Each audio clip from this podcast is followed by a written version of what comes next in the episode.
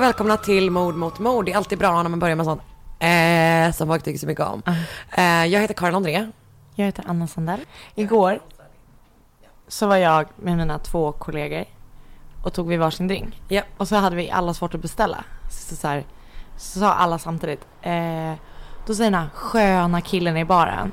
Är det en kör här eller? Uh. Ah, man bara nej, nu blev det precis ett sånt murder pack för att vi kommer slå dig på käften nu. Och så kallade han oss för tjejer hela tiden. Och sen så drack vi somriga drinkar som han gjorde till oss.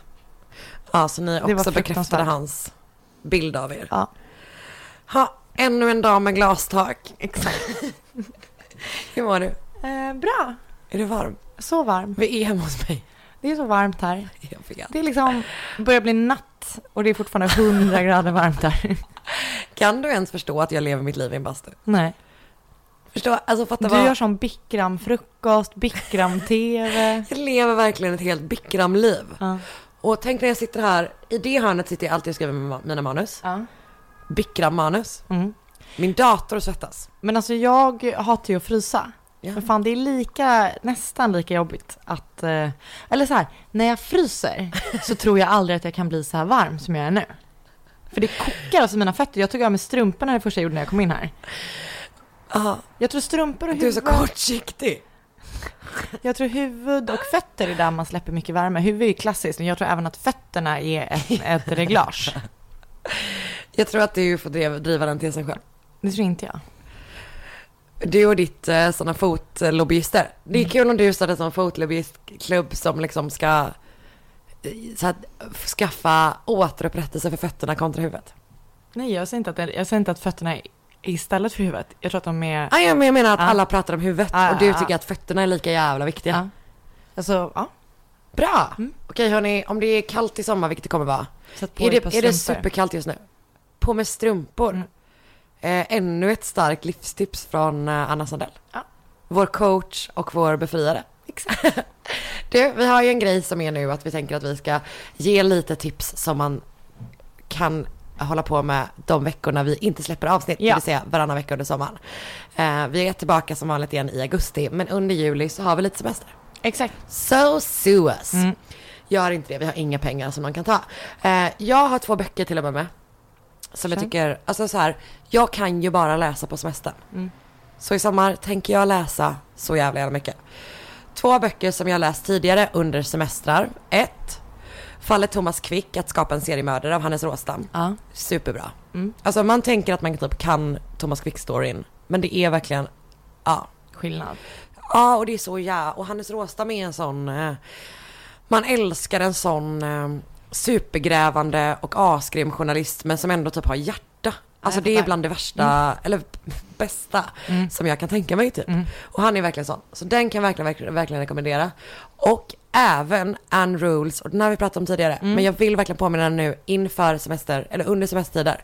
Anne Rule, eh, true crime-författaren som har skrivit massor av böcker om massor av olika fall. Hennes, jag tror det är första bok eh, som handlar om Ted Bundy.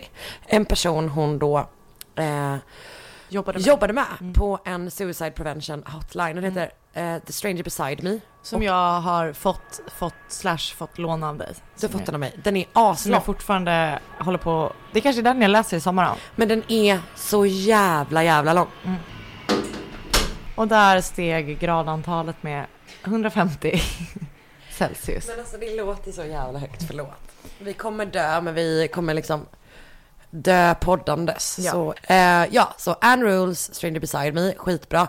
Nu kom jag också på en till grej. Jag tror att vår systerpodd, Mm. Vad blir det för mord? Mm. Kommer att fortsätta släppa under hela sommaren. Och de har gjort, de gör en Ted Bundy special just nu. Ah, kul. Så att jag har typ varit såhär, bara fan någon gång vill jag göra bandy och så har jag varit så här, då kommer det ta åtta dygn. Ja. För att det är en så jävla lång och krånglig story Mm. med så många olika sta- sta- stater och typ så, här så jävla många olika offer och så. De har gjort det nu så vi slipper. Mm. Skönt på något sätt. Toppen. Så man kan lyssna på Vad blir det för mord om Ted Bundy också. Har du Mm. några tips? Jag har tips. Inga, ja ett tips Ja. som jag också tipsat om i Facebookgruppen. Eh, jakten på Kapten Klänning. Åh, den är Eh, så vidrig. Som är skriven av hmm. Och Eh, det är Anna Sandellska för Jonas Trolle. ja, som är var polis. Eh, Nej, vänta. Det, Det stämmer nog ja. Att ja, han, han, jobb- var, jobbade också med Kapten Klänning. Han jobbade precis. Eller han, alltså inte också men ja, han jobbade att- med Kapten Klänning och de började liksom utreda honom under tiden de Ja. jobbade ihop och den är, Och det är det bland det grövsta jag läst. den är så otroligt spännande och äcklig Ja. och fruktansvärd men jag kommer ihåg, jag lyssnade på den Jag hade nog inte klarat av att lyssna på den. Jag hade lyssnat på den på ljudbok, på, när, Åh. typ under, ibland när jag satt och jobbade på jobbet och bara stannade upp och bara... Ah. Ja, nej, alltså den är så grov. Också på samma tema, förlåt, Mm. instinkt. Eh, så tycker jag också att, jag tror att det är en P1-dokumentär som heter Den fastspända flickan. Kanske Ja, ja, tre ja. delar av. Daniel Velasco, tror han vann typ Stora journalistpriset för den. den är väldigt bra. Som handlar om ett av hans offer Mm. och som också är otrolig. Det var ju typ så de kom honom på spåren tror jag, med den tjejen. Ja, det kan nog stämma Ja. Men den är otroligt bra, otroligt läskig. Så att eh, man måste veta vad man ger sig in på. För det Ja. är ju då om eh, Göran Lindberg som var polischef typ. Ja, och typ var. så här, s- stod Han upp för för... kvinnofrågor Ja. och sådär. Och sen så Aj, var han ett as i bakgrunden. Jag blir tokig på det. Mm. Alltså det gör mig, och det- alltså det är få saker som typ gör mig så jävla upprörd som så här uttalade feministmän som bara är samma jävla piss. Alltså Ja. det gör mig så jävla ledsen för att det är något så manipulativt med det. Så Verkligen. läskigt. Har du något mer? Eh, en podd som kom förra våren. Som heter S-Town. Mm. Den är otrolig. Den är otrolig. Den är verkligen otrolig. Den är konstig. Den är extremt konstig också. För Ja. jag tror jag hade förväntat mig någonting helt annat när jag Ja. gav mig in i den. Men den är sjukt bra. Den är så jävla bra. Eh, en äcklig detalj i den här. Ja. Som jag kommer nu att spoila. Men det spoilar inte storyn. Det är att en person i podden piercar sin bröstvårta upprepade gånger. För att han typ tycker att det är skönt. Kommer du Ja. ihåg det? Det var det, äck, det var det äckligaste jag Mm. hade Även hört. tatueringar tror jag. Just det. Om och om, om, om igen tatuera sig. Ja. Mm, Det är just äckligt. det att pierca sin bröstvårta. Men det är här, det blev ju ändå ganska tydligt i förra avsnittet. Vad vi känner för bröstvårtor. Exakt. Ja men den är ju, alltså det är typ ett av förra årets så här starkaste poddupplevelser man får prata. Det är ju en journalist från This American Life på samma sätt som Serial är. Alltså jag skulle Exakt. säga att det är lite, Mm. det är absolut inte samma typ av story. Men det är Nej. liksom en, en, en journalist från eh, This American Life-redaktionen Mm. som får typ möjlighet att fördjupa sig i en story mer än vad de gör Mm. vanligtvis. Otrolig. Väldigt stark. En till podd som jag också typ gillar rent berättandemässigt är ju förstås ehm, Dirty John. Ja. Som ska bli serie. Just det. Dirty John handlar om en solovårare, Den är kan man säga. helt galen den. eh, Den storyn är helt sjuk och den är så jävla, jävla bra. Mm. Den är väldigt bra. Den är också så här, ja men typ det finns några poddar som har så pushat berättandet. Mm. Och jag tycker verkligen att den är det. En annan sån som är, inte alls har med true crime att göra är uh, Mystery Show. Som bara kommer i en säsong, men som också är Inte asbra. Men, Det handlar om en kvinna som, hon utreder ett mysterium i varje avsnitt. Och Mm. typ så här, det, kan, det är väldigt små saker. Ja. Att det är typ så här, det finns ingenstans på nätet hur lång Jake Gyllenhaal är. Så spenderar hon typ så här, hon lägger supermycket tid Hur på lång att är ta han reda på Han är kort som Jag kommer fan. inte ens ihåg. Jag tror att han är kort. Ja, alltså ja, för det är väl därför det inte finns. Nej, han- eller om han är helt normal längd. Du vet, det är lite, jag kommer, jag kommer inte ihåg. Jag ska inte spoila Han det. känns som en normallängdsperson. Ja, ja, men det är bara att det inte finns. Alltså det är verkligen så här supersmå mysterier. Han har det svenskt är- på bra. Har du inte läst det? Nej. Men gud vad sjukt att vi inte har claimat honom. Vi brukar claima alla. Han har det. Ja, tips till Tips, Sommar-Sverige. Och även om man vill kolla på någonting så bara kommer jag att tänka på nu. Att i sommar vill jag se om True Detectives första säsong. Men jag är inget True Detectives. Jag vet, det är bra. Men Inte jag Real är... Detectives. Ja, True Detectives. True Detectives. Ja, extremt bra. Första säsongen. jag tror du menar den där som du älskar på vet, Netflix. På Ja. Netflix. Nej, True Detectives. True Detectives första säsongen. Oh my god, så Otrolig. bra. Otrolig. Mm. Så Aldrig varit så rädd. Jag var tvungen att ringa till min syster när jag kollade på typ det näst sista avsnittet. För jag var så jävla rädd. Japp. Jag bara, "Vi- vem är vaken? Vem kan jag ringa så här sent? Typ kvart över tio Mm. när jag går och lägger mig. Mm. Eh, och var alltså genuint rädd. Ja, Den är så jävla ja bra. den är så läskig. Mm. Ja, verkligen. kunna tänka mig om också. Inte säsong två, inte lika stark. Men alltså jag tycker att det här var en skitbra tipsrunda. Mm. Om jag får säga det själv. Kul. Vi har böcker, vi har tv, vi har poddar, vi har Mm. allt ni vill ha. Och Ingen film. nu ska vi berätta om, eh, vi ska säga Våra vil- ord. Ingen film. Det Jag tycker kom- bara alltid man kan Ah. se om Zodiac. Mm. Zodiac kan man alltid se om. Mm. Finns på Netflix tror jag. Jättebra film. Nu ska vi berätta om tre ord. Mina. Vi ska inte berätta, vi ska säga tre ord som hintar om vårt fall. Ja. Mina. Hongkong. Taxi. Nekrofili. Alltså det här kommer ju bli, har vi redan insett på förhand, att det här kommer bli sånt jävla obehagligt, alltså äckligt avsnitt. Japp. Jag har, undrar om jag kommer komma på det här nu, jag vet inte. Huvudskada, det går inte att liksom säga någonting. Kina, nålar, Det är... Vad heter sån... eh, När man sätter nålar Just i pannan för akupunktör. Han satte pennar, pan, nålar i pannan och sen rakt upp i pulsådern. så jävla sån sticknål. Jag tycker det är lite ob- Jag går ju, har ju varit off mycket i mina dagar och även nu påbörjat en sån kur igen hos kiropraktorer och naprapatörer. Det är så härligt när man hör någon hitta på ett ord as they go. Och även då ibland fått eh, akupunktur. Har du det? Ja. Och akupunktur är fine tycker jag. Eh, Mhm. men alltså jävla vad man är rädd hos en kiropraktor eller hos en napratör. Ja. Naprapator. Naprapat. Naprapat. Vad heter naprapat i? Naprapat. Naprapatorer eller? Nej, man är naprapat. Jo men i plural. Låt oss återkomma. Ja. Någon kommer berätta det för oss. Eh. Har vi några, är det någon nap- naprapat som lyssnar på den här podden? Berätta vad ni heter i plural. Verkligen. Men när, vad man, de måste kunna sin sak när de knäcker alltså. Det är jävligt läskigt. Jag vill väldigt gärna gå på det. Jag knackar väldigt mycket i min kropp. Och jag... Du ska få numret till min, han är jättebra. Bra. Han är nyupptäckt. Va? Alltså för mig. Ah. Okej. nu börjar vi.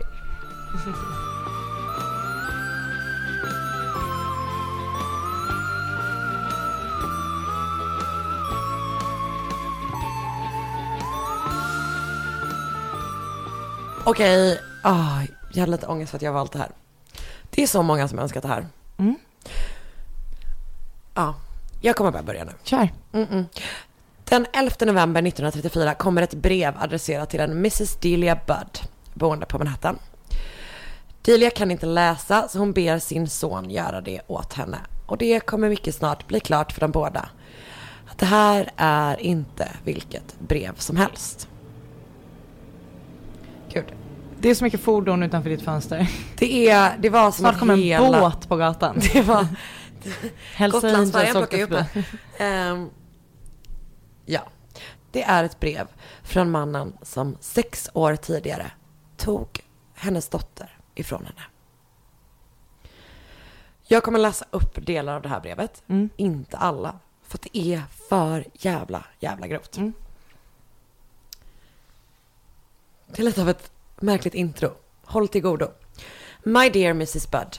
In 80 1894, a friend of mine shipped as a deckhand on the steamer Tacoma, Captain John Davis. They sailed from San Francisco to Hong Kong, China. hey! On arriving there, he and two others went ashore and got drunk. When they returned, the boat was gone. At the time, there was a famine in China. Meat of any kind was from $1 to $3 a pound. So great was the suffering among the very poor that all children under 12 were sold to the butch- butchers to be cut up and Men sold for food in order to keep others from starving. Du hör ju, ja.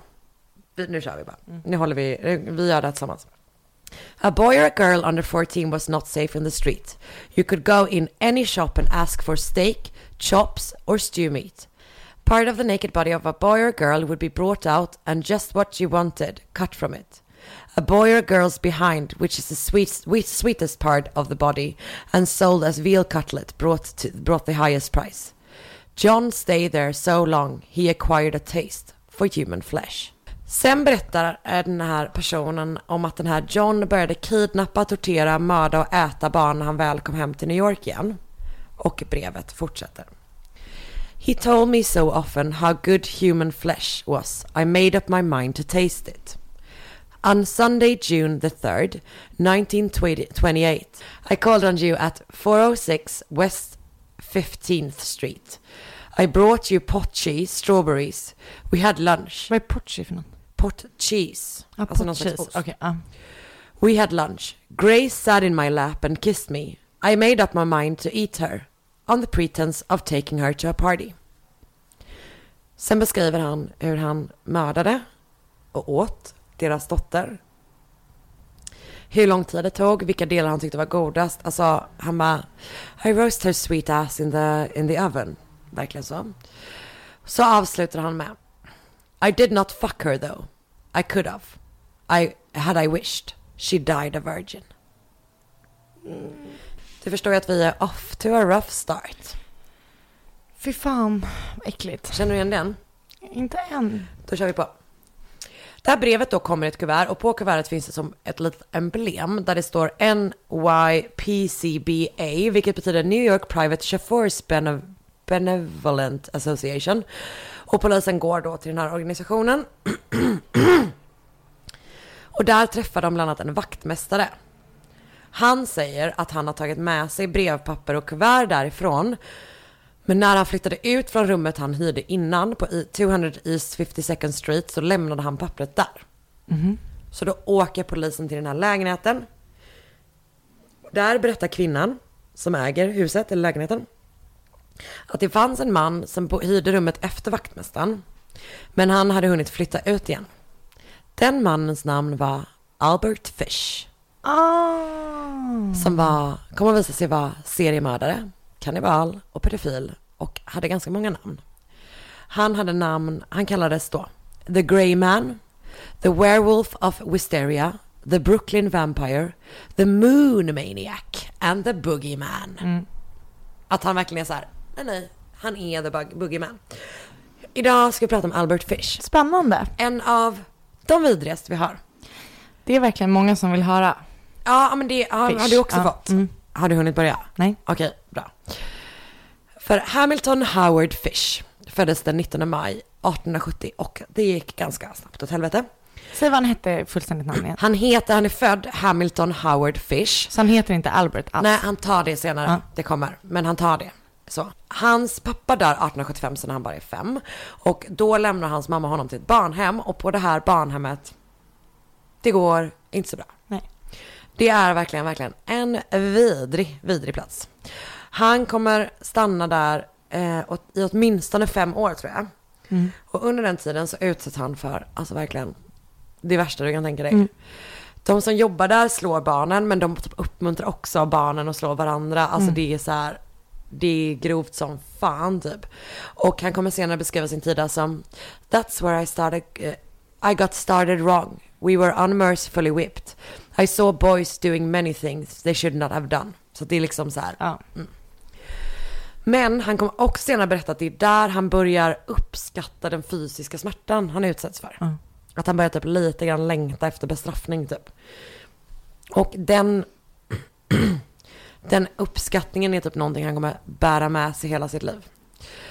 Under tiden på barnhemmet är då också, eller kanske strax efteråt, men där tar han det här namnet då Albert. Eh, och det gör han efter ett, ett syskon som har dött. Men, och det är också så att han gör det för att han vill komma bort från smeknamnet Ham and Eggs. För att han heter Hamilton. Vilket typ gör mig rasande för varför de inte kallar honom för Ham and Fish. Alltså jag förstår att det inte är en maträtt. Men han hette ändå Fish i Ja. efternamn. Nej, jag, Jag, tycker att det är en waste på mobb Mm. bara. Eh, och eftersom han var ett asen Mm. så är det okej med honom Mm. han är med om lite Man märker ju vem som var stadens mobbare här. Av oss två. Gud, äkta follower. Jag stod bakom och viskade bättre smeknamn. Mm. Ham and fish, ham and fish.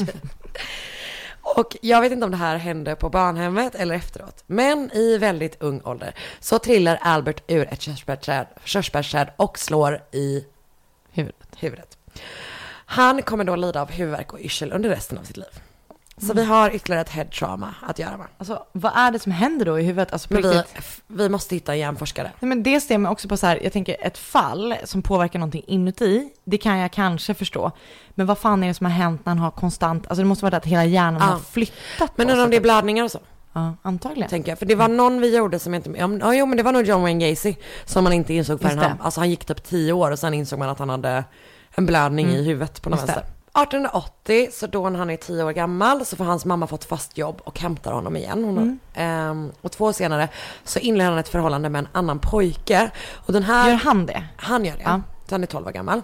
Och när pojken lär Albert lite intressanta grejer. Du vet så här när man blir ihop med någon och man bara, ah, Ja, det här funkar också, Ja, eller? också- Ja, det här kan vi också eh, hålla på med. det han får lära sig då är att dricka urin och äta avföring. Hade aldrig stannat i en sån relation. Svårare att relatera till. Inte ens som 12-åring hade jag stannat i en sån relation. Skönt att höra Anna, jag är stolt över dig. Mm. För det vidare. Mm. Hörni, även ni 12-åringar, ni behöver inte vara kvar. Stanna inte i en sån relation. Stanna inte. Eh, han börjar också gå på badhus för att titta på när andra pojkar klär av sig och till, till det här, alltså han typ, det var typ hans helger. Mm. Att han bara satt hela helger och kollade i olika omklädningsrum. Och det kan man ju... Alltså det, det, det, man, nej, men, men det kan man ju relatera till mer kanske, att man så blir nyfiken på en naken kropp. Men Eller? du behöver inte relatera till alla mördare. Nu var det länge sedan det Ja, hände. det var faktiskt Men nu börjar du... En... Det här är alltså en person som satt hela helger och kollade på andra nakna kroppar i omklädningsrum. Alltså jag säger inte att man ska göra det, men jag tänkte att de två sakerna är... Men du behöver inte välja någon. Nej okej, jag- väldigt... Åh, vad rolig du är. För det där var ju en grej som var återkommande i typ våra första avsnitt. Att Jag du vet. behövde relatera till alla. Eh, kör på och kolla om du kan fortsätta relatera. Ehm, ja, under den här perioden så, eller och så skaffade han sig också en vana som han kommer fortsätta med under hela sitt liv. Vilket är att skriva superosköna saker till kvinnor som sätter in kon- kontaktannonser i tidningar. Mhm. Alltså grova, grova, grova saker. Mm. Du, har, du har fått höra om ett tidigare brev. Liknande saker, Mm. fast typ till helt, ja men kvinnor som bara sökte kärleken. Ja. Och-. Efter det vi pratade om det senast känner jag att jag vill adoptera, jag vet om att de inte vill adoptera, adoptera som mig. Men jag vill typ vara med alla kvinnor som på den tiden satt in Kontaktannonser, jag vet. Alltså, jag känner otroligt starkt för dem. Ehm, så 1890 så flyttar Albert Fish till New York och då har han typ, alltså mycket av det som, dels får man komma ihåg att det är jävligt länge sedan. Mm. Och två, nästan, alltså mycket av storiesna kommer ju från honom Mm. liksom. Så att mycket av det jag säger i allmänhet, både under det här fallet men också under hela podden får man ta med två nävar salt, det vet ni sedan innan. Eh, han säger då att när han börjar, när han flyttar till New York så börjar han eh, med sexarbete och sen så säger han också att det var under den här tiden så börjar han också våldta och tortera unga pojkar. Mhm. Han är på något museum där han ser någon grej som gör att han blir obsessed vid kastrering. Ehm, han eh, får också någon slags idé om typ smisk med någon slags paddel som är lite så här Alltså em, spikar och grejer på. Mm. Men grejen med honom är också att så här, han gillar inte bara å- att åsamka andra smärta utan han gillar också då Att att få smärta Ja. eftersom så här, men det var ju någonting som har funnits med honom sen, sen det här barnhemmet. Så han tycker liksom om att skada sig själv vid sidan av att han tycker om att skada andra väldigt mycket. Åtta år senare har hans mamma fått nog av att typ hennes obehagliga son lever som någon slags enkeman i, eh, inte enkeman, singelman i Mm. New York. Hon bestämmer sig för att gifta bort honom. Mhm. Kul för den kvinnan. Mm. Eh, men Anna Mary Hoffman. Och tillsammans kommer de få sex barn.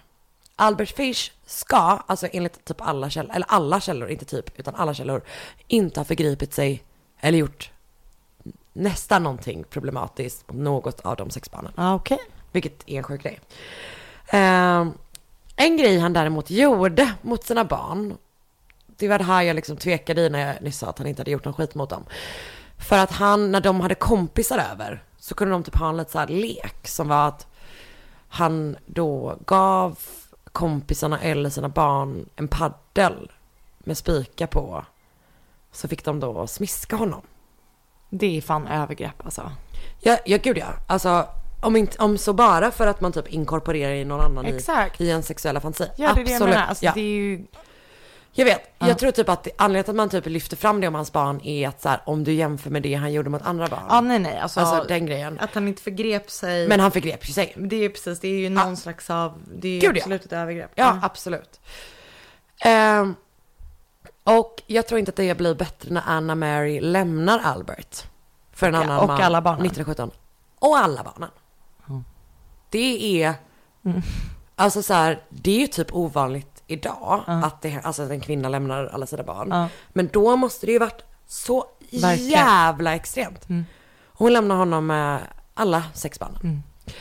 Men redan sju år innan Anna Mary lämnar Albert så har han träffat 19-åriga Thomas Kedden. Det står typ i vissa så här beskrivningar av det här fallet att de inledde citat ett sadomasochistiskt förhållande. Jag är jävligt tveksam till det. Alltså jag tror inte att det var ett förhållande liksom. Nej. Utan den här mannen då, Thomas, han ska ha haft någon slags intellektuell funktionsvariation. Mhm. Jag tror att han bara såg en person han kunde utnyttja för sina egna pissiga behov liksom. Eh, för han tar då med sig Thomas till ett tomt hus där han torterar honom under två veckor Nej. av och till. Och det grövsta han gör mot honom är att han skär av hans penis. Ja men fy fan. Och han vill egentligen mörda honom men han inser typ att det är så här är för varmt och han kan inte ta med sig kroppen därifrån, det kommer att börja lukta.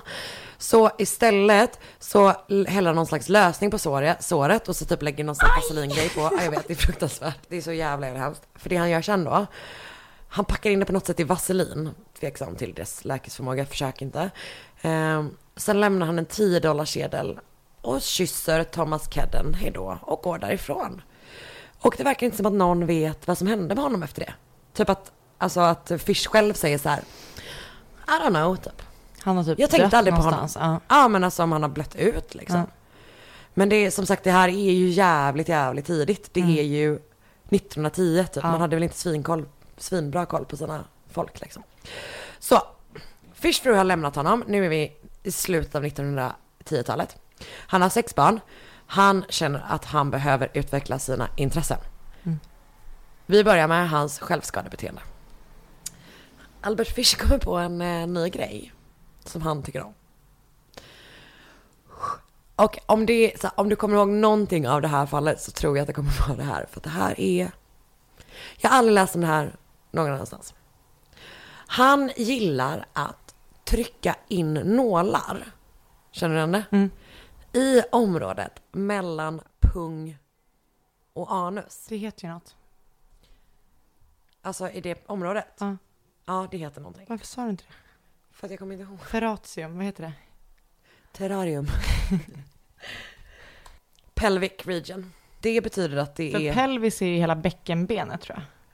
Nu är det Ja. Anna Sandell, läkare här. Men jag har läst att det var just mellan, alltså i det området typ. Men det kanske var i hela området, hela pelv... Ja, det var överallt. Det vara könet. överallt. Men det jag läste var också att det var just mellan Där det är en riktigt tunn hy. pung och... Mm. Eh, en annan grej han gör, Mm. som du kommer få höra om, som är riktigt sjuk. Mm. Det är att han doppar bomull i någon slags brandfarligt material. Sätter det upp i spett, tänder eld på det. Det är liksom roligt på något vis tycker jag. Alltså för det är som sa Fanny Alexander, du vet, när, när han tar med dem upp i trappan och pruttar på en ljusstake. Jag tänkte också på det att det blir så här direkt, det blir så typ så Jockiboi. Ja. Alltså det blir den grejen. Verkligen. Att man bara "Wää!" Verkligen. Men det gör han då. Men om det brinner liksom upp i rumpan då? Nej jag tror bara att det blir, det, det måste bli lite varm, Varmt, varm, ja. varmt på skinkorna typ. Mm. Det är ett annat alternativ. Strumpor, mössa och så den här Och tredje här grejen då. ja. För eh, 80% av värmen går ju ut genom skinkorna. Just det. Inte Eh. genom skinkorna utan ut genom rektum. Just det. Okej. Han börjar snart också bli väldigt fascinerad av kannibalism. Och han äter ofta rött, rått kött. Vilket jag typ när jag läste det, jag bara Det gör jag också. Exakt, Råbiff varje jag gång. jag är på- älskar ju råbiff. Det är ju våran standardbeställning på... Det är som den gången jag var... Eh, nu har jag berättat det, skitsamma. Det var när jag, en av de första gångerna typ jag och Marcus var ute och käkade på restaurang så var vi på wherever the fuck, något Mm. av de så här gamla Stockholmsställen. Och då gjorde jag en missbedömning med min beställning som gjorde att jag åt toast Pelle Jansson till förrätt och råbiff till varmrätt. Vilket bara är att äta dubbelt, Så gott. dubbla råbiffar. Så Det var gott. otroligt. Kan rekommendera, mäktig beställning. Mm. And I don't care what you say. Du och Albert Han Fish. gillar det. Mm. Och även du Anna, försök inte. Med Hedvigs hemförsäkring är du skyddad från golv till tak oavsett om det gäller större skador eller mindre olyckor. Digital försäkring med personlig service, smidig hjälp och alltid utan bindningstid. Skaffa Hedvig så hjälper vi dig att säga upp din gamla försäkring. Hedvig hemförsäkring, ett klick bort. Du, eh, han äter ofta rått kött som sagt. Eh, jag tror liksom inte att den serveras med så. Nej. Dijon och Nej, nej, nej, kapris. Och han serverar ofta det till sina barn också. Mhm. Snart eskalerar hans beteende och grejen är att det är ojävligt oklart med honom hur många personer han faktiskt har mördat och våldtagit. Själv har han senare påstått att det rör sig om 100 barn Mm. som han förgriper sig på. Han har ändrat sig eftersom dock. Så att eh, en gång sa han att han hade, han hade haft a child in every state. Mm. Mm. Alltså han är så äcklig. Mm. Han väljer ofta barn med mentala funktionsvariationer eller intellektuella funktion- funktionsvariationer och han väljer också gärna svarta barn. Mhm. Eftersom han eh, delvis typ är så här, har det här vanliga som vi, som vi pratade om i förra avsnittet som är så här, ingen kommer sakna dem. Mm. Men också, vilket han förstås har helt jävla rätt i, så tänker han att polisen inte kommer utreda det på samma sätt. Nej. Och det är ju sant liksom. Alltså det är ju det som gör en så jävla, Mm. ja, frustrerad så många gånger i den här typen av fall. Eh, och han arbetar som typ målare eller om det är carp, alltså snickare eller något sånt. Så att han reser runt i olika stater och gör det. Och i vissa fall så verkar han typ ha valt stater beroende på var det finns flest liksom afroamerikaner. Mhm. Så att han ska typ så här, det finns mycket Mm. bra offer typ. Och han utsätter sina offer då för vad han själv kallar instruments of hell. Vilket bland annat var hans berömda paddel, olika knivar och en. Och varning till Anna Sandell, köttyxa. Vad fan. Men nu ska vi prata om de fallen som han faktiskt har erkänt. Mm. 14 juli 1924 24, så anmäler nioåriga Francis McDonalds föräldrar honom som saknad på Staten Island. Han har varit och spelat fotboll med några kompisar men kommer aldrig hem. Snart hittas han hängande från ett träd. Nej. Ja, jag vet, det är så jävla hemskt.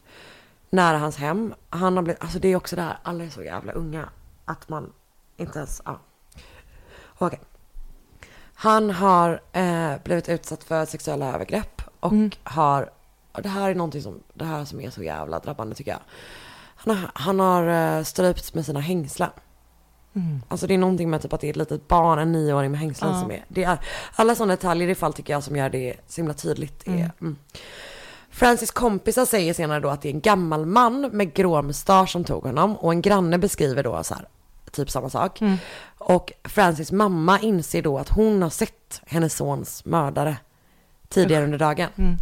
Och det gör då att den här anonyma mördaren börjar kallas för The Grey Man, Mm. som var ett av de smeknamnen som man sedan har kunnat ge Albert Fish då.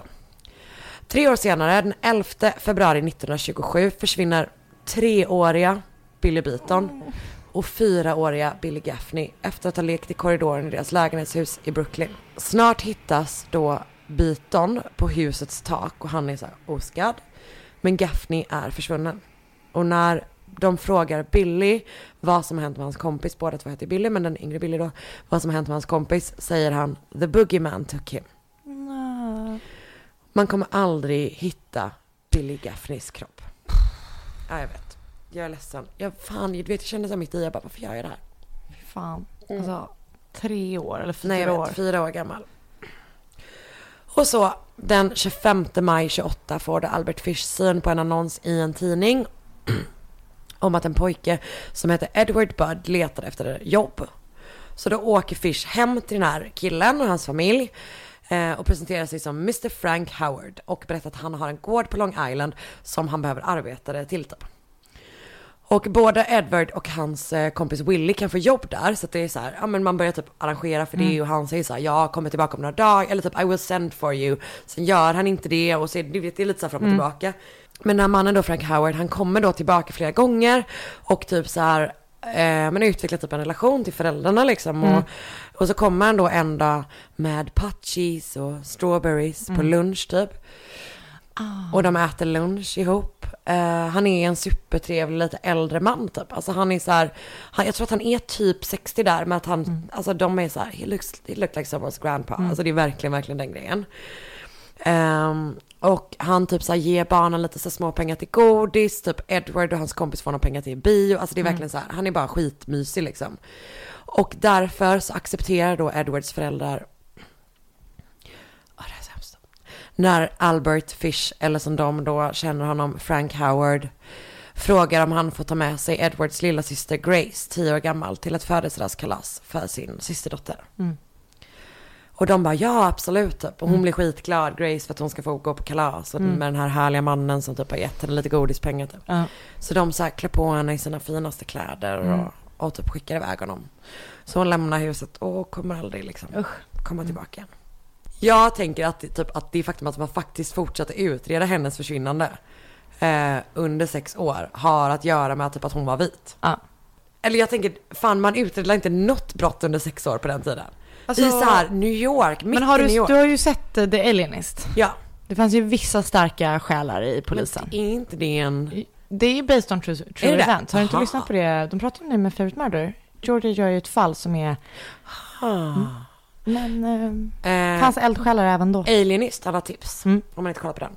Ja, exakt. Ja, men precis. Ja, det är men klart gjorde. fattar. men det är klart att det var lättare att hitta sådana eldsjälar när man råkade vara en vit. Eller, Absolut, absolut. Ja. eller jag tänker typ, det kanske inte fanns så mycket svarta i polisstyrkan Nej. antagligen. Eh, så jag, jag tänker att det var därför man prioriterade det. Vilket är, alltså att någon prioriterar någonting gör mig skitglad. Det är verkligen inte det.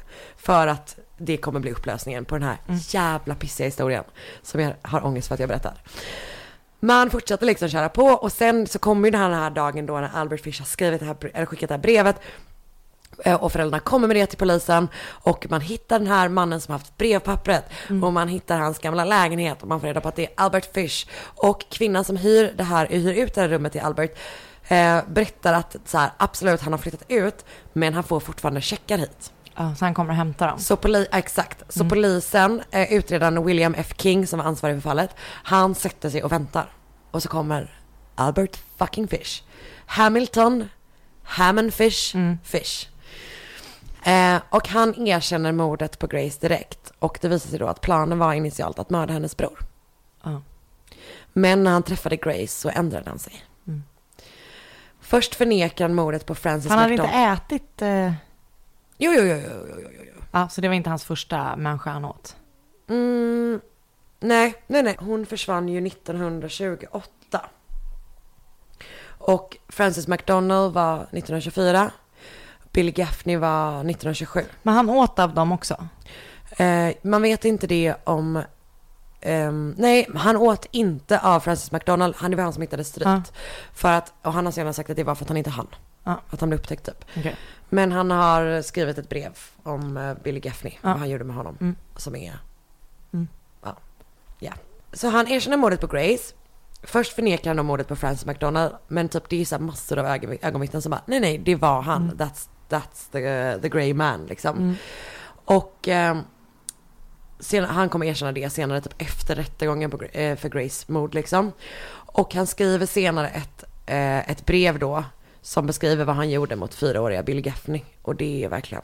Nej, det vill jag inte höra. Nej, jag har inte med det. För att det är så jävla grovt. Det finns på Wikipedia om man vill läsa det.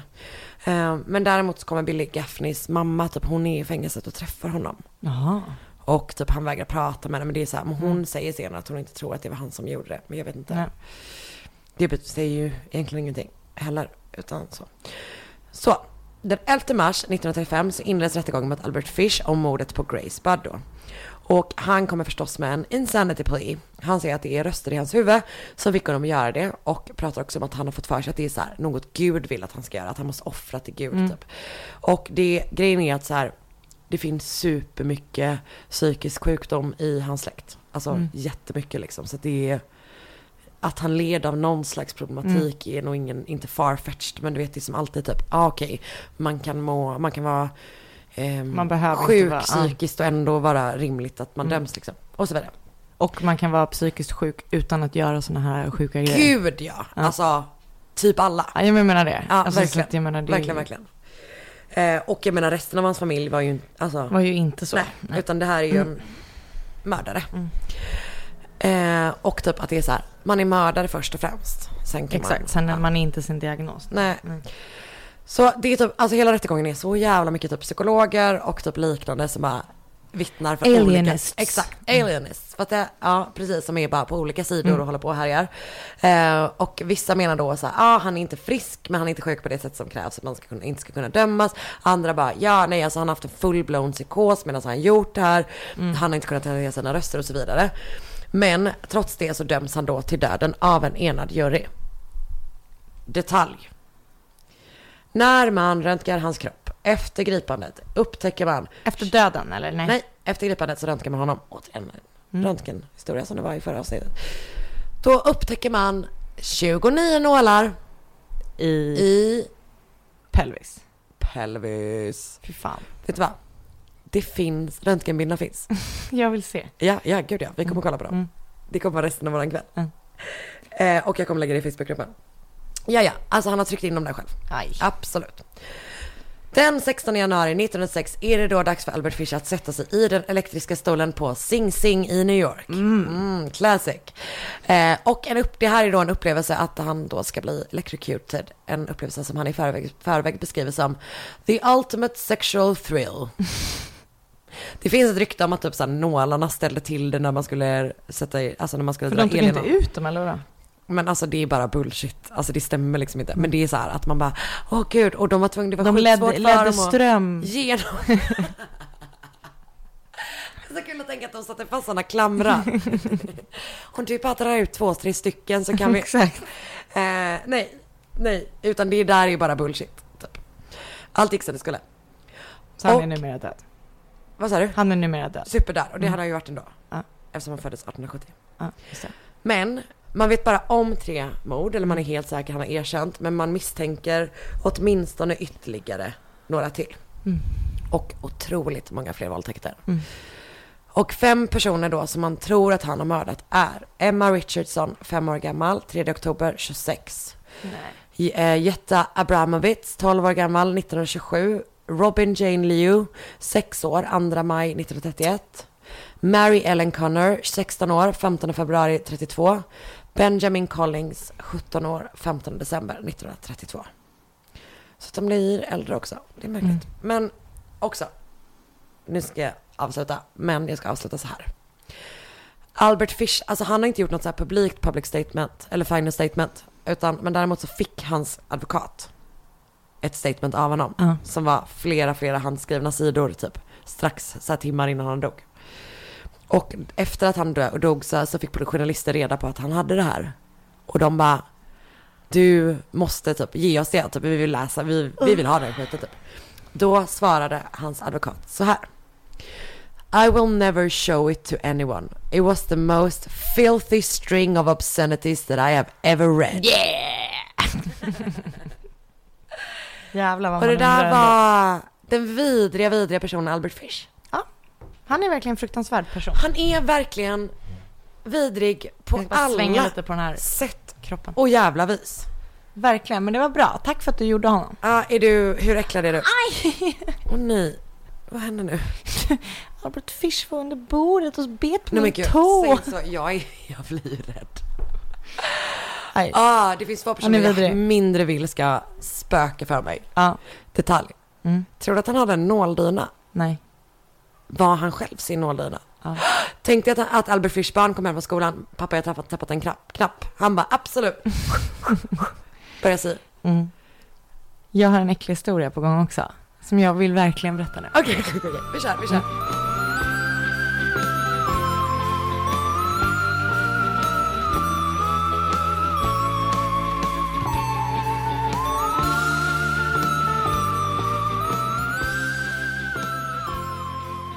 För nu ska jag berätta historien om Hongkongs första seriemord.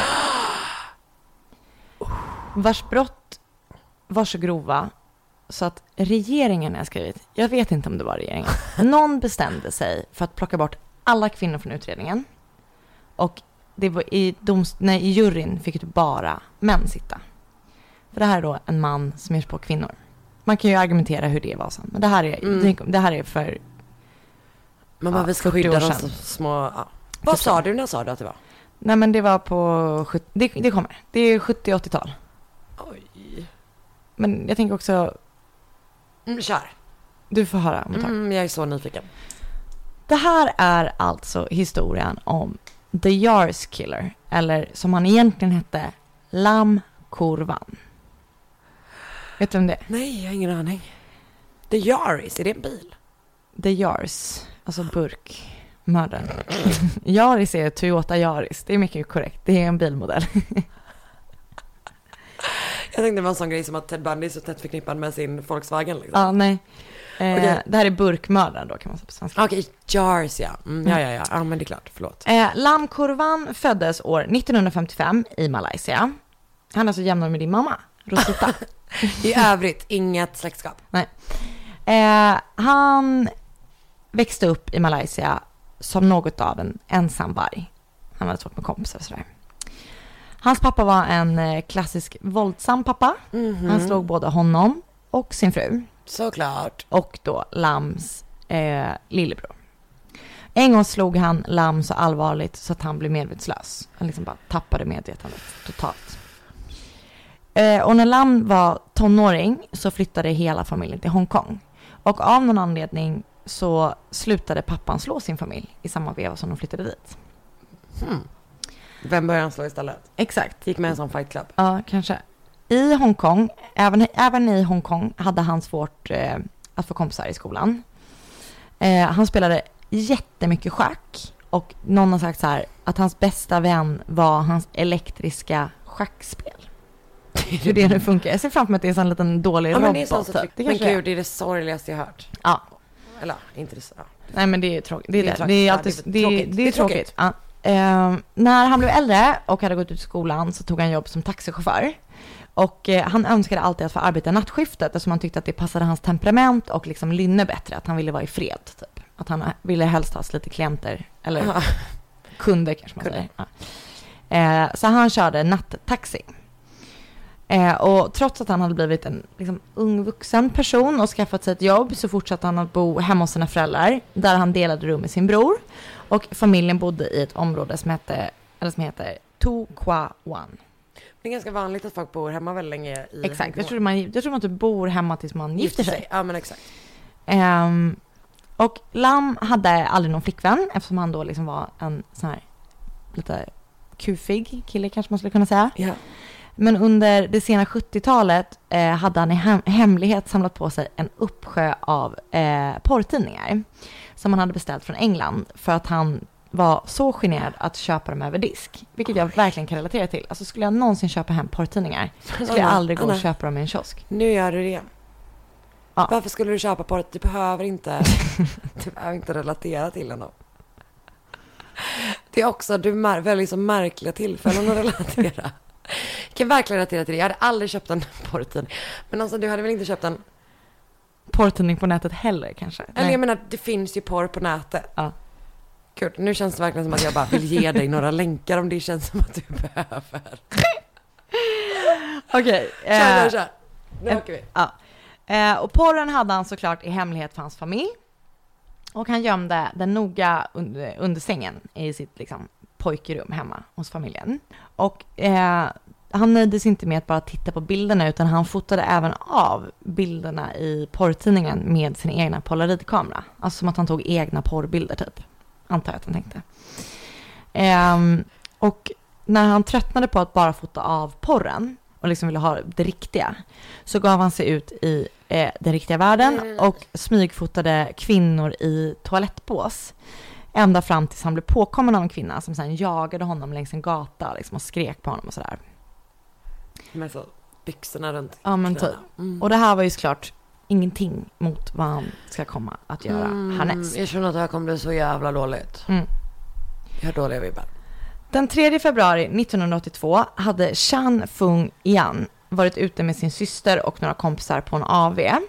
Hon hade druckit en del och eh, när hon hoppade in i Lams taxi utanför restaurangen Sim Cha Tsui. Eh, hon hoppade in där utanför den. Och då säger hon kör hem mig typ och Lam kör en bit med henne innan hon ber honom att stanna akut för hon måste kräkas. Så han stannar på en bensinmack och så kräks hon. Sen fortsätter de att köra och hon ger honom massa olika direktiv. Så här, kör dit. Nej förresten, jag vill åka dit. Typ så. Ja, hon är otydlig liksom. Ja. Då får han nog. Det är som att någonting snappar honom. Så han svänger av vägen och stryper Chan med en sladd som han har i bilen. Ehm, och det här mordet är liksom inte planerat utan det bara händer. Ja, Men det skulle bli startskottet Det blir för liksom. ja, vad han kommer att göra härnäst. För att i sin taxi plockar Lam upp alla sina kommande offer. som är tre kvinnor till. Eh, sedan kom han att strypa dem med en sladd i bilen. När kvinnorna sen var döda så körde han hem kropparna till sitt familjehem. Där han delade rum med sin bror. Jag vet inte om jag sa det innan. Men han bodde alltså i samma sovrum. Så sjukt. Hur? Ja. Ja, det kommer sen. Eh, väl hemma så styckade han kropparna och utförde nekrofili fili på dem. Eh, och eftersom han arbetade nattskiftet så kunde han liksom utföra de här handlingarna hemma utan att någon märkte det på dagen. Eh, när han sedan var liksom klar med kropparna så stoppade han eh, dem i taxin igen och körde till någonting som heter The New Territories på Hong Kong Island. Där alla kroppar senare skulle komma att hittas. Eh, Lam gillade också att fota och filma sina offer och när han höll på med dem. Och det här var det som... ehm, det, ska finnas, jo, det ska finnas minst en film när han utför nekrofili på en av kropparna. Och eh, det, det han gjorde var liksom lite ballsy för att han lämnade in filmerna på framkallning. Nej. Ja, och det var det här som sen också kommer att leda till hans gripande. Eh, men han lämnade in filmerna en gång och då var han liksom, började den personen som framkallade bilderna vara så här, hallå, vad är det på, vad är det här? Men då lyckades han tala sig ur den situationen och övertala han som framkallade filmen att säga, eh, han sa att han jobbade på ett universitetslabb och att det här var för medicinsk forskning, bilderna. Så då så hände ingenting med det liksom. Men han skulle inte alltid ha sån tur för att den 17 augusti 1983 tyckte den som framkallade Lams bilder att det var något som inte så stämde i bilderna. No shit. För bilderna var på en naken kvinna och dels var det på hela kroppen i sig och så var det en del närbilder. Men han tyckte att det eh, framkallaren tyckte att bilderna liksom var poserade på något vis, att de Ah. såg arrangerade ut. Eh, hade det inte varit så att kvinnan hade ett jättestort brännmärke på låret och ett så här skändat bröst så hade han kanske trott att det bara var amatörporr. Men just för att det såg inte normalt ut så kallade han på polisen. Och de här bilderna skulle hämtas ut av Lam dagen efter. Så polisen ställde sig eh, utanför Kodak-affären i civila kläder och väntade på att han skulle komma. Och när han till slut kom eh, för att hämta bilderna så hämtade, hävdade han att han gjorde det åt en kompis. Men det fattade ju polisen Ja, ja. att det inte stämde. Så de kör hem honom till hans föräldrahem. Alltså de griper honom, åker hem till honom direkt och vill så här, nu får du visa, nu vill Ah. vi kolla hemma hos dig liksom. De kör hem honom till hans föräldrar, där hans föräldrar och lillebror sitter och äter middag. Och då börjar de gå igenom hans hem. Åh vad sjukt. Så föräldrarna sitter där och äter, Lam kommer hem med polisen som börjar så här, gå in i brorsans och Lams rum och ransa, liksom, gå igenom där. Eh, och det dröjer liksom inte länge innan de hittar illavarslande bevis.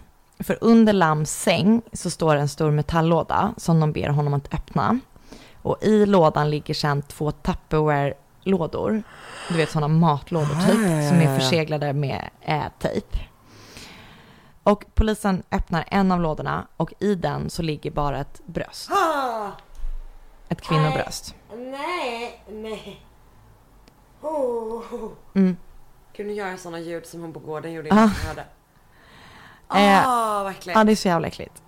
Och det här är, kommer inte att vara det enda de hittar. Men de liksom avvaktar för alla hamnar i något slags chocktillstånd, hans familj och du vet så här. Så att efter några timmar så kommer eh, den engelska forensics eh, tjejen, det är en kvinna, som heter Sheila Hamilton dit. Och alla är i chock och eh, hon liksom tar sig an scenen. Så hon går in i Lams rum och öppnar Tupperware-låda nummer två. Och det här är så äckligt. För i den så ligger en inlagd vagina. Den är alltså inlagd i sån där formaldehyd, du vet sånt som man har hjärnor och sånt i. Så att den ska bevaras. Beskriv mitt face. Det var helt sjukt, det såg ut som du hade en miljon stor mun. Det är så jävla obehagligt. Men hur? Jag vet inte. Det ligger så i alla fall. Och det är det här som gjorde att de plockade bort alla kvinnor. För att så här, För ingen kvinna typ klarar av att se det. nej. Och typ jag fattar vad de menar och samtidigt också typ så här. Jag vet, och det är ju helt sjukt, man kan ju ifrågasätta det. Men samtidigt, jag hade fan inte jag velat jobba vidare med det fallet. Alltså jag, jag hade blivit Nej. för chockad av att se en sån sak tror jag. Och samtidigt som, ja, nej jag tycker typ att det finns verkligen så här två delar av det. som Alltså det gör det ju verkligen. Men det, Fuck! Det, Mm. Ja, gud av all äcklig skit. Gud, jag orkar inte att jag gjorde Albert Fish och så ska du ändå komma hit och kaxa dig med din jävla vagina. väldigt obehagligt. Ah, verkligen. Ja. Ja, okej, okej, eh, okej, okej. Nu, let's power through. Mm. Sen eh, tydligen så hittade eh, polisen så mycket bildmaterial och så många kroppsdelar så att polisen började tvivla på att det bara var en gärningsman. Så under en period så trodde polisen att de hade sett på liksom en hel mördarfamilj. Så de grep både eh, Lams bror och pappa. Men i och med, det, liksom, det ville han inte ta, att hans familj blev gripna. Så han går med på att berätta sin sanning om pappan och brorsan frias.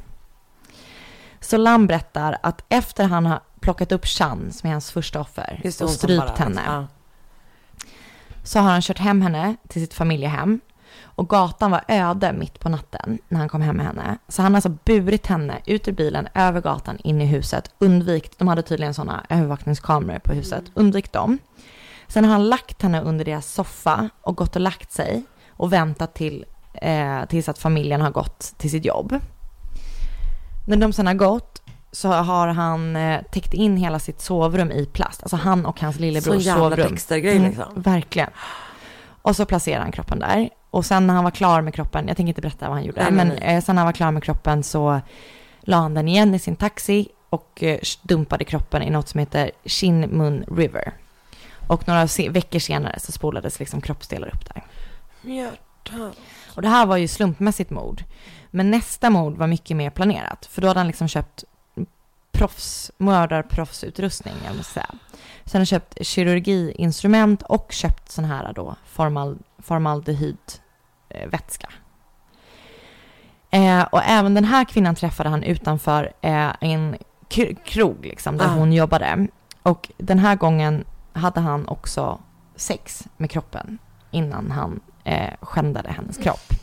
Och det här var första gången han någonsin hade sex. Och han ska senare ha berättat för polisen att han skämdes för att han hade eh, haft sex med den här Gud, döda han, kroppen. blev, han blev av med oskulden. Med en död kvinna.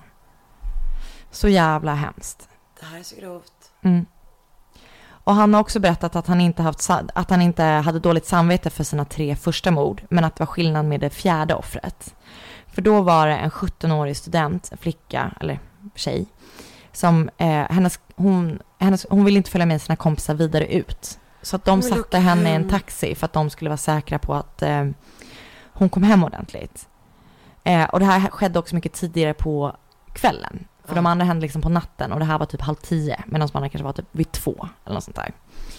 Och eh, när hon hade hoppat in i hans taxi så handfängslade han henne och sen pratade de hela natten.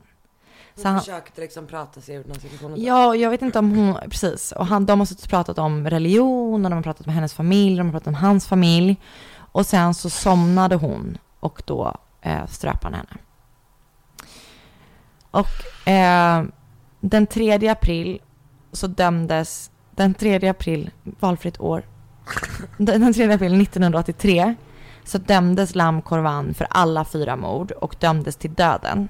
Vilket var liksom det vanliga innan man, eh, 1003, 2003. nej det måste vara 1993 var det, tog bort dödsstraffet Ja. och han nu istället sitter på livstidsfängelse. Och han lever än idag och eh, sitter på ett sånt high security fängelse som heter Shek Pik på Lantau Island i Hongkong. Och eh, han är då känd som en av Hongkongs tre seriemördare typ. Och den absolut första. Så obehagligt. Det här var helt sjukt. Så läskig människa. Två saker som jag Mm. kommer att tänka på bara spontant. För det Mm. första så blir jag så arg när typ en mördare är så här. Jag har bara dåligt samvete för den här. Verkligen. Man bara, nej, nej, nej, nej. Alla de kvinnorna Mm. var lika jävla mycket värda. Mm. Alltså förstår du vad jag menar? Typ att jag tycker att det är så jävla fittigt beteende typ. Men jag tänker typ att det är lite som att man gillar olika kompisar lika mycket och sånt där. Alltså fast liksom utdraget på en helt galen nivå Håller såklart. du på nu igen? och försöker relatera. Nej, men jag kan typ, jag- alltså jag säger, jag försvarar det inte på något sätt. Skönt. Nej men jag menar, du måste ju förstå vad jag menar att det är så här att man ja, jag kan... vet. Jag tycker bara, jag, alltså, och jag fattar typ att det är så för mördare. Jag blir bara så arg Ja, ja, typ alltså, att de så här, jo, jag vet att du håller med mig om det också. Mm. Men alltså jag blir så arg att de typ in i döden efter att de här kvinnornas röster har tystats så får typ ändå de här mördarna bestämma vem, alltså Mm. det gör mig bara frustrerad. Det andra som gör mig så jävla frustrerad, det är ju det här att det är en taxi. Jag vet. Det För att ju- hur många gånger har man typ verkligen gjort den grejen som hon gjorde? Hoppat in i en taxi. Man bara, okej jag vill egentligen, jag, det är kanske, jag, fan jag har inte riktigt råd med en taxi men jag borde ta tunnelbanan men jag gör det för att vara säker. Och så kommer det något jävla as. Jag vet. Och typ så här, vad fan, vart ska man få vara säker då? Mm. Man får bara vara hemma. Mm. Så från och med nu, det är tråkigt att du är här eftersom det är, Nej men jag stannar. ja men bra. Mm. Ja jävlar vad det där var vidrigt. Ja, väldigt läskigt. Det, hela det här avsnittet blir ju superäckligt. Eh, innan vi avslutar så ska vi berätta sista delen av våran, eh, eller läsa sista delen av våran, vårat mord från förra veckan. Var det sista?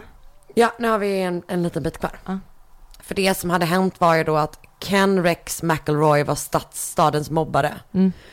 Eh, som höll på som fan, kan man ju säga. Mm. Och sen så hade han då lackat för att en person som ägde hans butik, eller en butik hade sagt till hans dotter att inte sluta stjäla godis.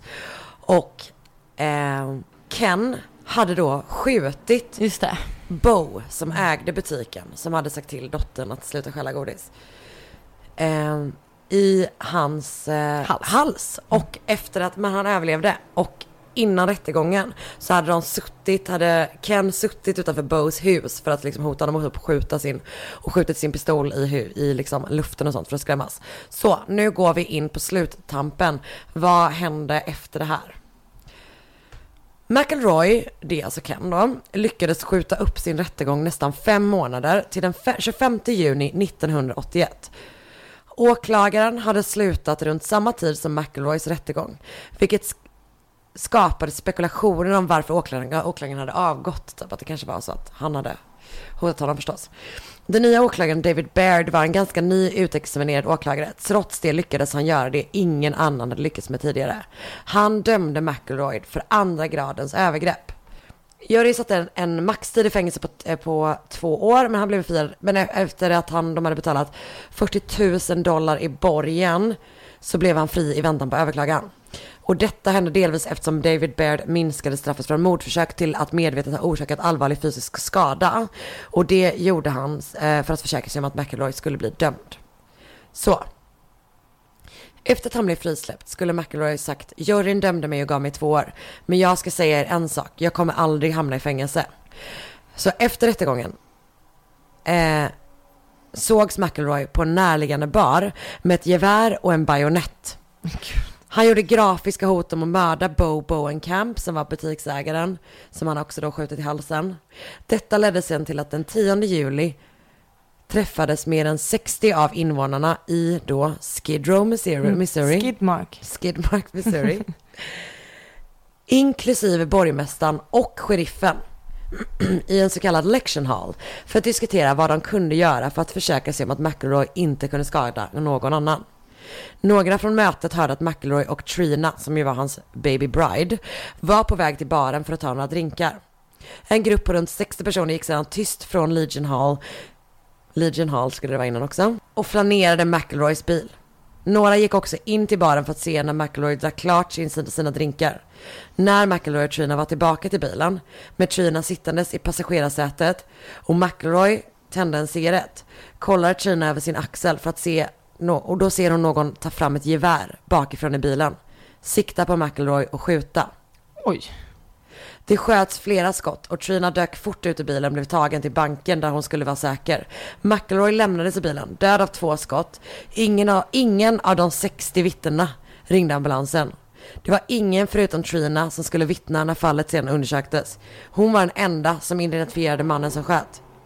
Det ska ha varit Del Clement, en delägare av baren, som de hade varit på.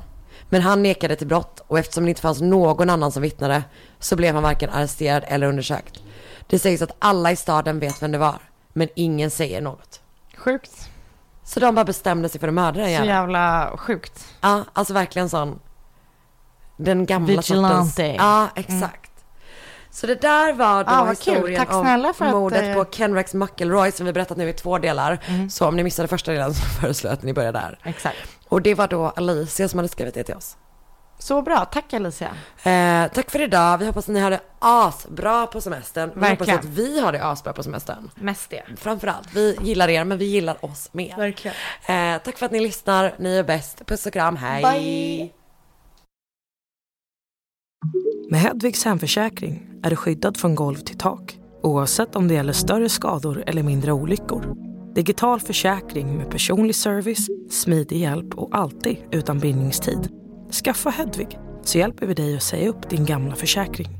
Hedvig hemförsäkring, ett klick bort.